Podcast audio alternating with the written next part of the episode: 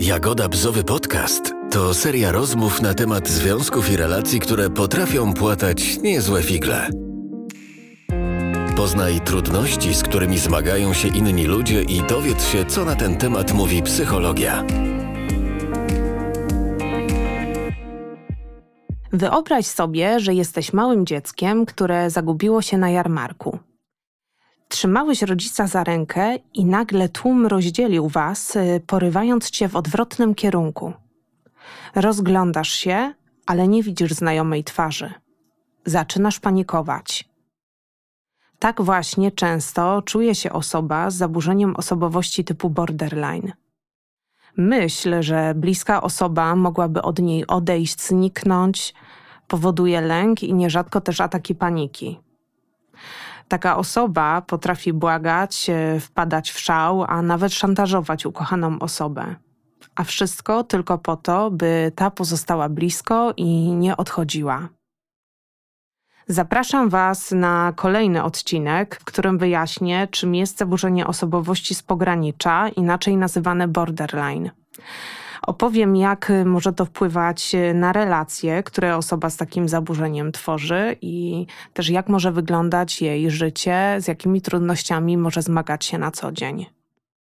Chcę zaznaczyć e, też od razu, że zaburzenie osobowości to nie wyrok ostateczny. Natomiast ważne jest zrozumienie etiologii tego zaburzenia i rozwinięcie świadomości, no właśnie, jak osoby z takim zaburzeniem mogą funkcjonować i jakie trudności mogą mieć na poziomie relacji. Termin borderline e, służył dawniej do opisu w dużej mierze zachowań z pogranicza psychozy i nerwicy. Ale z upływem lat e, okazało się, że osoby dotknięte tym zaburzeniem doświadczają silnych wahań nastroju, nie wpadają jednak w stany psychotyczne.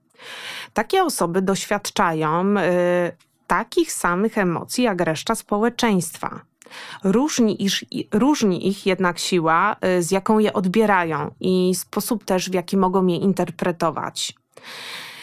To jest grupa bardzo wrażliwych osób, i problem tutaj polega na tym, że często ich diagnoza jakby może się opóźniać. Y, może pojawiać się później e, ze względu na często pojawiające się współistniejące zaburzenia, takie jak na przykład depresja, zaburzenia lękowe, zaburzenia odżywiania, czy też zespół stresu y, pourazowego.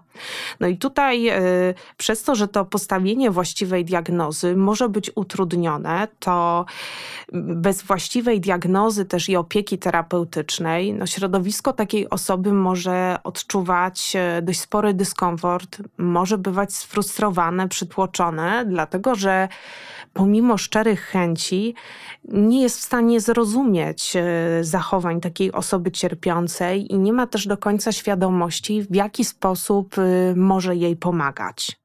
I zgodnie y, z DSM-5, czyli klasyfikacją zaburzeń psychicznych Amerykańskiego Towarzystwa Psychiatrycznego, osoby z zaburzeniami osobowości typu borderline mogą mieć dużą trudność, y, jeżeli y, chodzi tutaj o tworzenie związków. Mogą wkładać naprawdę desperackie wysiłki w unikanie takiego wyobrażonego odrzucenia przez innych. Takie osoby mogą nawiązywać e, niestabilne i burzliwie przebiegające związki międzyludzkie, e, które mogą opierać się w dużej mierze na idealizacji i z drugiej strony na dewaluacji. Co to znaczy? Jakby w przebiegu tych e, relacji osoby mogą mieć takie wrażenie, że z jednej strony kochają, a z drugiej strony mogą mieć takie poczucie za moment, że nienawidzą. Czyli w tych relacjach u nich może być bardzo dużo skrajności. Takie osoby mogą też mieć naprawdę spore zakłócenia, jeżeli chodzi o poczucie własnej tożsamości.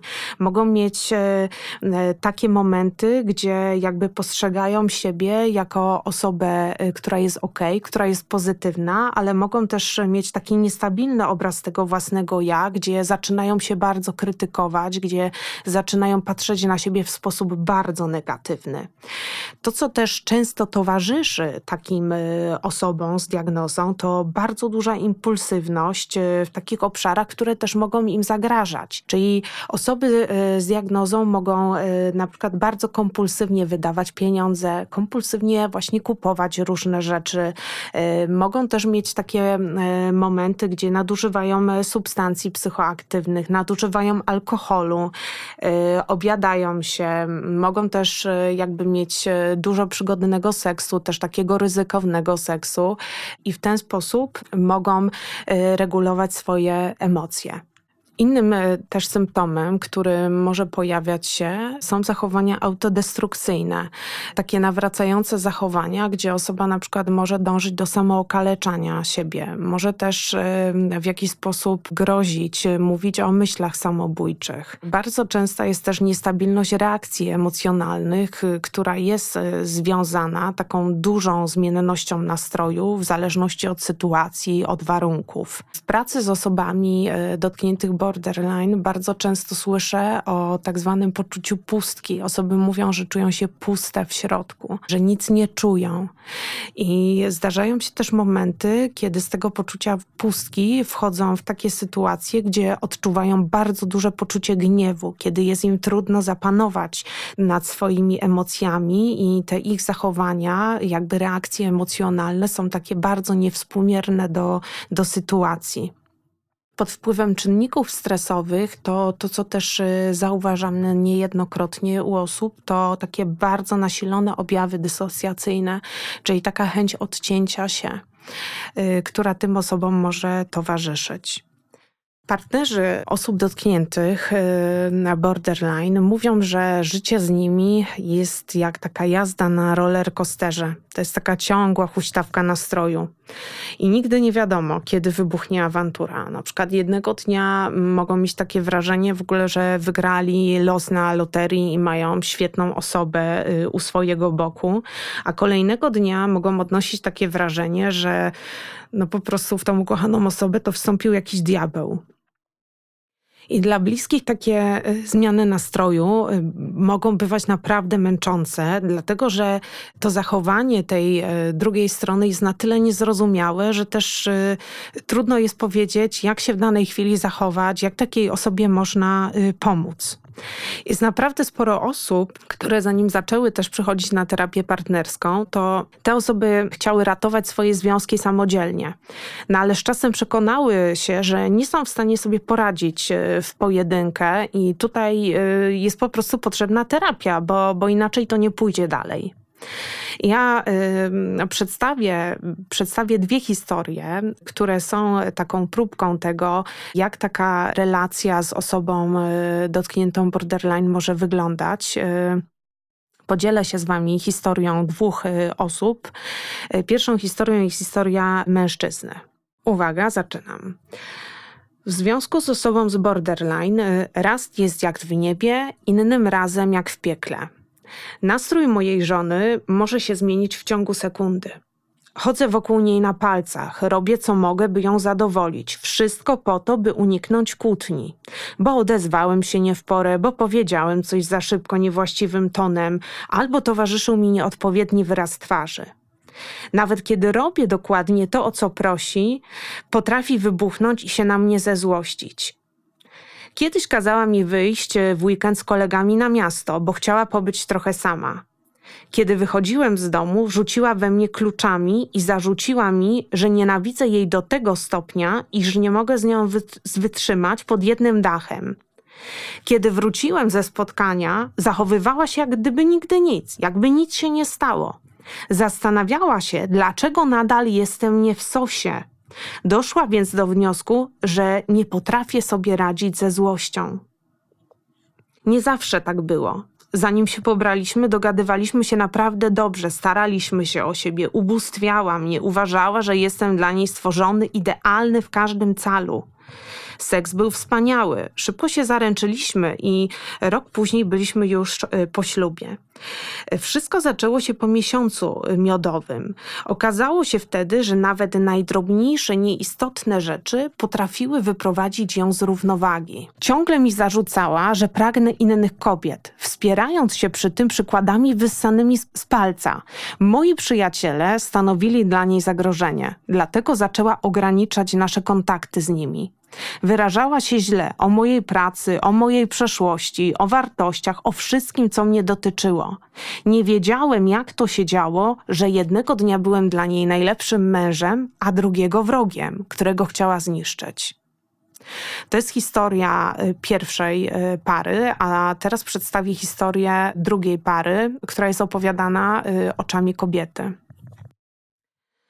Wyszłam w relację z moim partnerem. Spędzaliśmy ze sobą całe dnie. Nigdy nie czułam się lepiej. Ale wkrótce zorientowałam się, że mój partner sprawdza mój telefon i media społecznościowe. Zauważyłam, że od kiedy jestem w tej relacji, gasnę, mam coraz mniej energii. Czułam się kontrolowana na każdym kroku. Mój partner z czasem zaczął mnie coraz częściej obrażać, nazywał puszczalską, ze względu na poprzednie związki, w których byłam. Żałuję, że powiedziałam mu cokolwiek o swojej przeszłości. Mimo, że nie miał powodów, nie dawał za wygraną. Pytał o wszystko, co robiłam z poprzednimi partnerami. Później sprawdzał ich i wyrzucał mi, że pewnie z nimi było mi lepiej. On nieustannie podkreślał, że pewnie był moją ostatnią deską ratunku i jestem z nim z łaski. Nie mogłam w to uwierzyć, że mężczyzna, który tak zapewniał o swojej miłości, jest w stanie tak krzywdzić. Z czasem zaczęłam się bać i partnera, i jego reakcji. Kiedy pewnego dnia zobaczył, że ktoś napisał do mnie na Instagramie, wpadł we wściekłość, zaczął krzyczeć, że pewnie coś kombinuje. Gdy w złości popchnął mnie na ścianę, postanowiłam, że chcę zakończyć ten związek, ale on wtedy zagroził, że coś sobie zrobi. Błagał, żebym go nie zostawiała. Dałam mu kolejną szansę, ale jego ataki zazdrości powtarzały się. Po każdej kłótni było kilka dni spokoju, takiego miesiąca miodowego, przeprosiny, świetny seks, starał się jak nigdy. Ale później było to samo oskarżenia i awantury. I teraz zwróćcie uwagę na to, że y, historie tych dwóch osób, które weszły w taki y, związek z osobami wykazującymi y, cechy charakterystyczne dla zaburzenia typu borderline, są bardzo podobne. Często jest tak, że partner takiej osoby nie wie, czego może się spodziewać i może bezskutecznie szukać rozwiązań, może starać się nie prowokować, może starać się rozumieć. No, natomiast niewiele osób y, jest w stanie tak naprawdę zrozumieć te zmiany nastroju osób z borderline, które w jednej chwili na przykład grożą, że sobie coś zrobią, a za chwilę oczekują bliskości. I to właśnie na tym w dużej mierze polega problem. I tutaj jest ważne, żeby przede wszystkim wytłumaczyć mechanizm działania takich osób z borderline. Skąd takie w ogóle zaburzenie mogło się pojawić, jak ono mogło się rozwinąć. No i najczęściej e, powodem zaburzenia e, są trudne doświadczenia z okresu dzieciństwa, związane z różnego rodzaju nadużyciami, zarówno w sferze emocjonalnej, jak też e, w sferze fizycznej.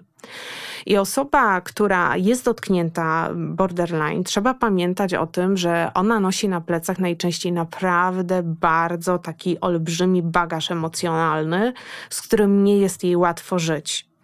Taka osoba, która ma diagnozę, mogła być w swojej przeszłości bita, wykorzystywana, porzucana, gnębiona, yy, mogła być ofiarą nadużyć seksualnych. To jest bardzo taki częsty case, który gdzieś przeplata się w terapiach indywidualnych.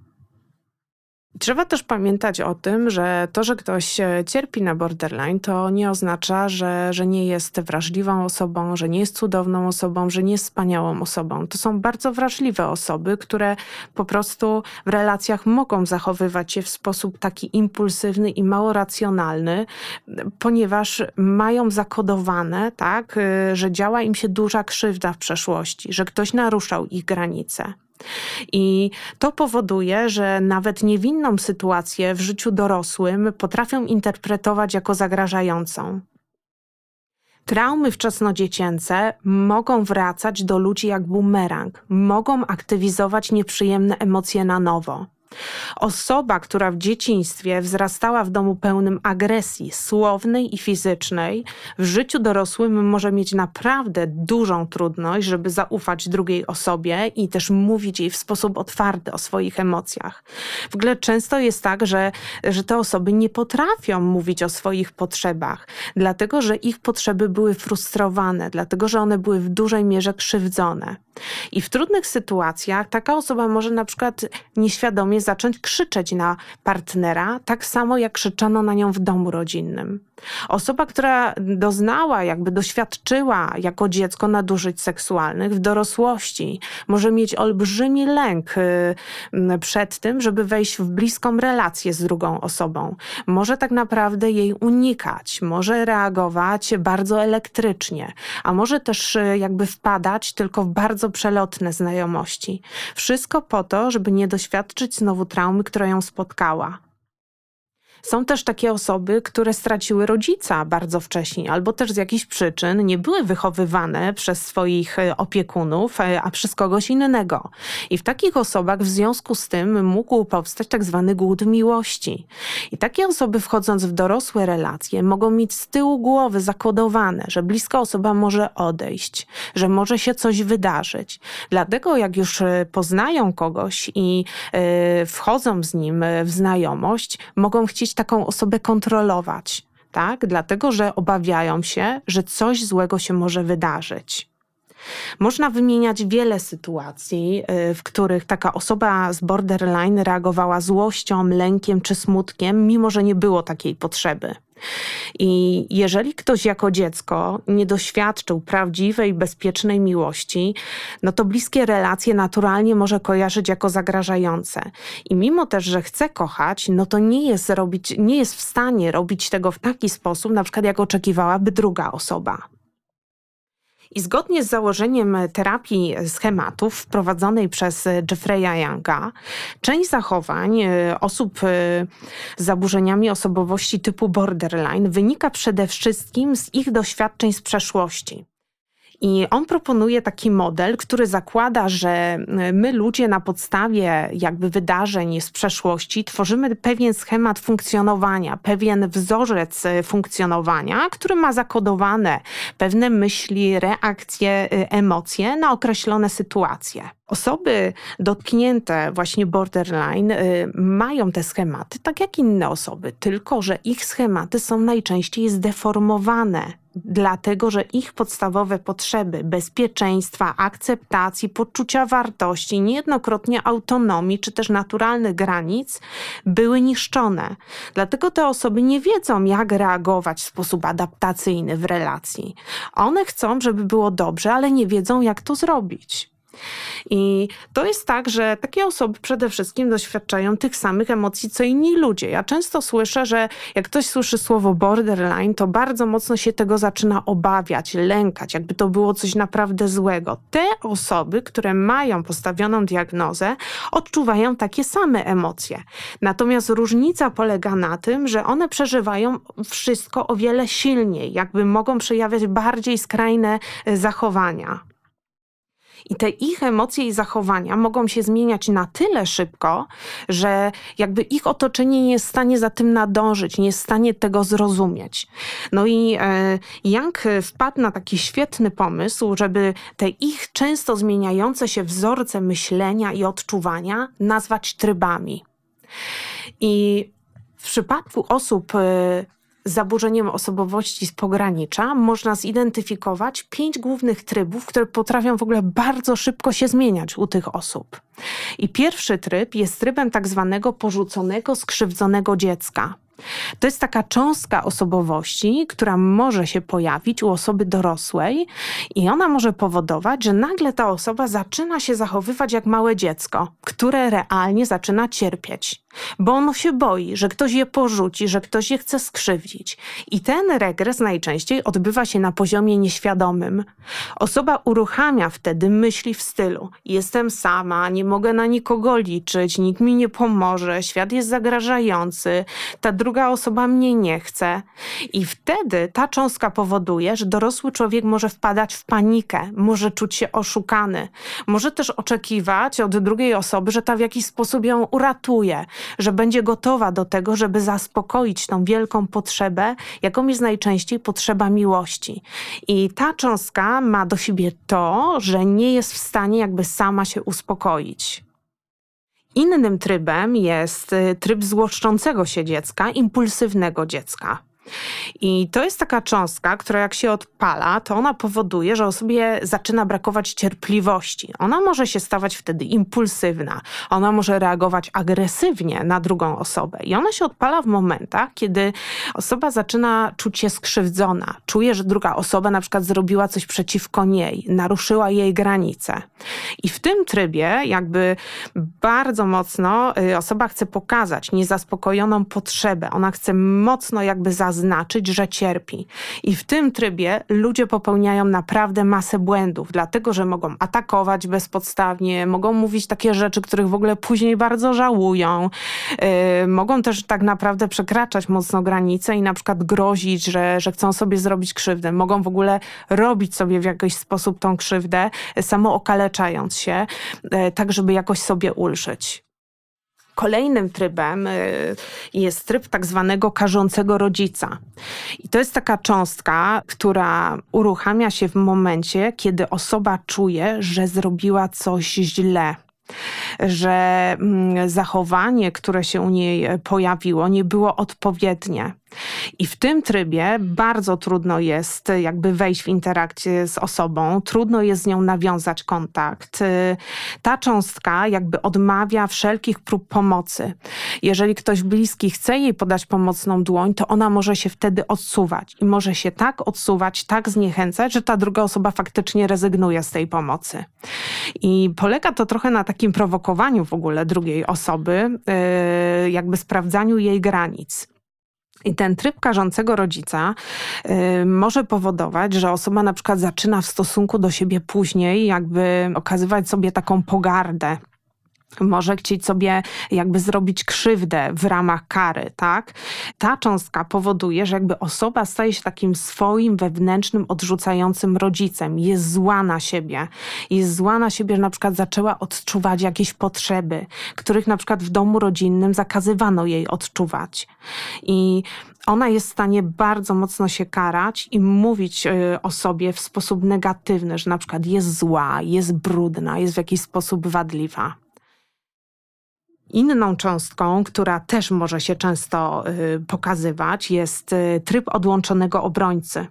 I w tym trybie osoba dorosła może chcieć odciąć się od swoich emocji. Ona może się dysocjować, y, może być odcięta w, w, ta, w, ta, w taki sposób, że że ona mówi wtedy, że nic nie czuje, że może czuć, że czuje pustkę.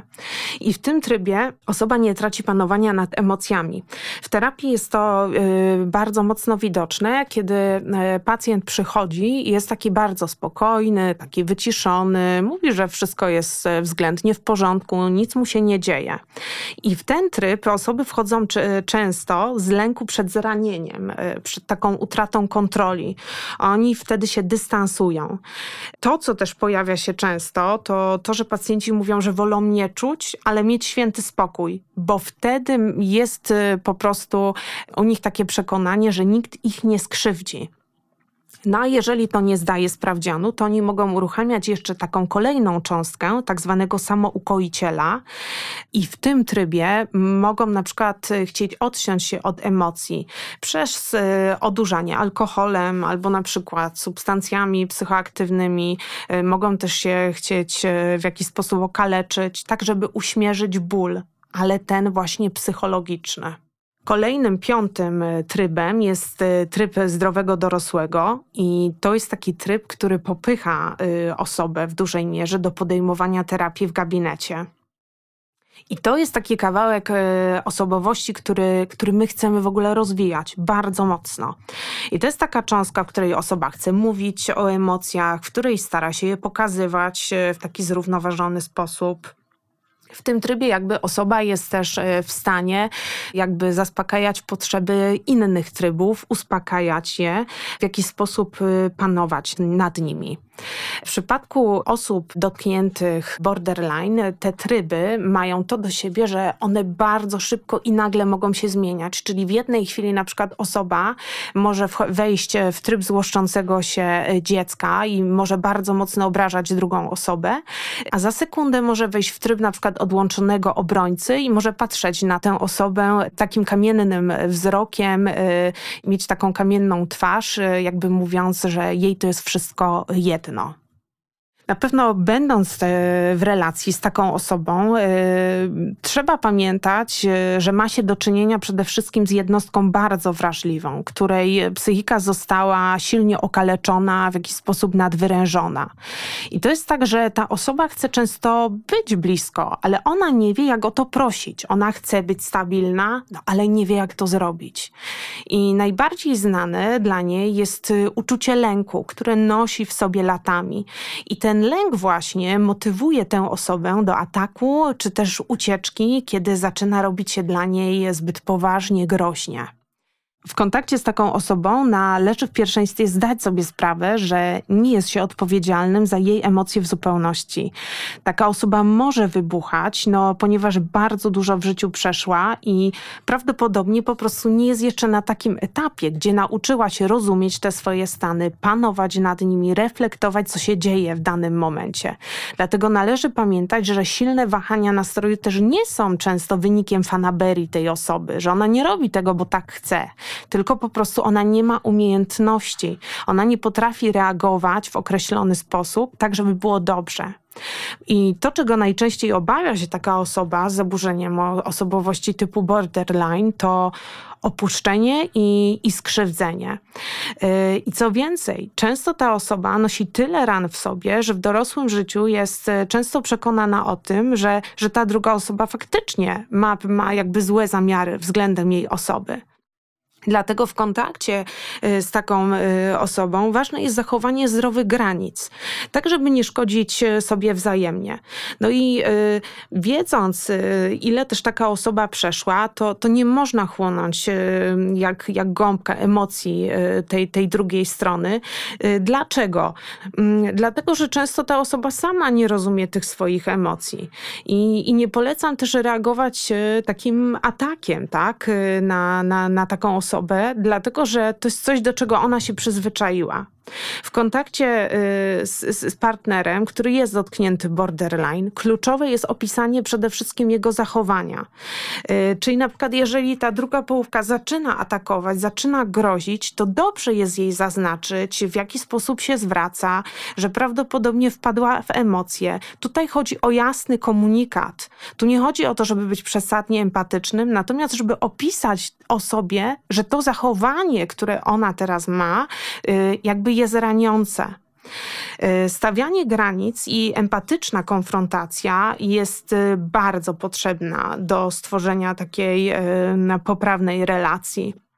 Początkowo nie jest to w ogóle łatwe, dlatego że no, najczęściej osoby z tego typu zaburzeniem no, nie znają dobrze swoich granic. Te ich granice były bardzo mocno naruszane, były, były niszczone, tak? Dlatego ta osoba broni się jak tylko potrafi i często e, to, co jest też istotne, ta osoba nie jest w stanie wyczuć, e, kiedy w ogóle może przeginać. Dlatego y, wiem, że to nie jest łatwe, ale wszystkich takich usłyszanych komunikatów nie należy naprawdę y, traktować dosłownie. Dlaczego? Dlatego, że na przykład y, mechanizm idealizacji i dewaluacji powoduje, że na przykład jednego dnia osoba może być taka nadmiernie kochająca, y, a za chwilę, jeżeli coś sobie skojarzy, może wybuchnąć, może być bardzo agresywna, może mówić o zakończenia związku i jeszcze na sam koniec może później o tym nie pamiętać, y, że, że coś takiego y, zrobiła.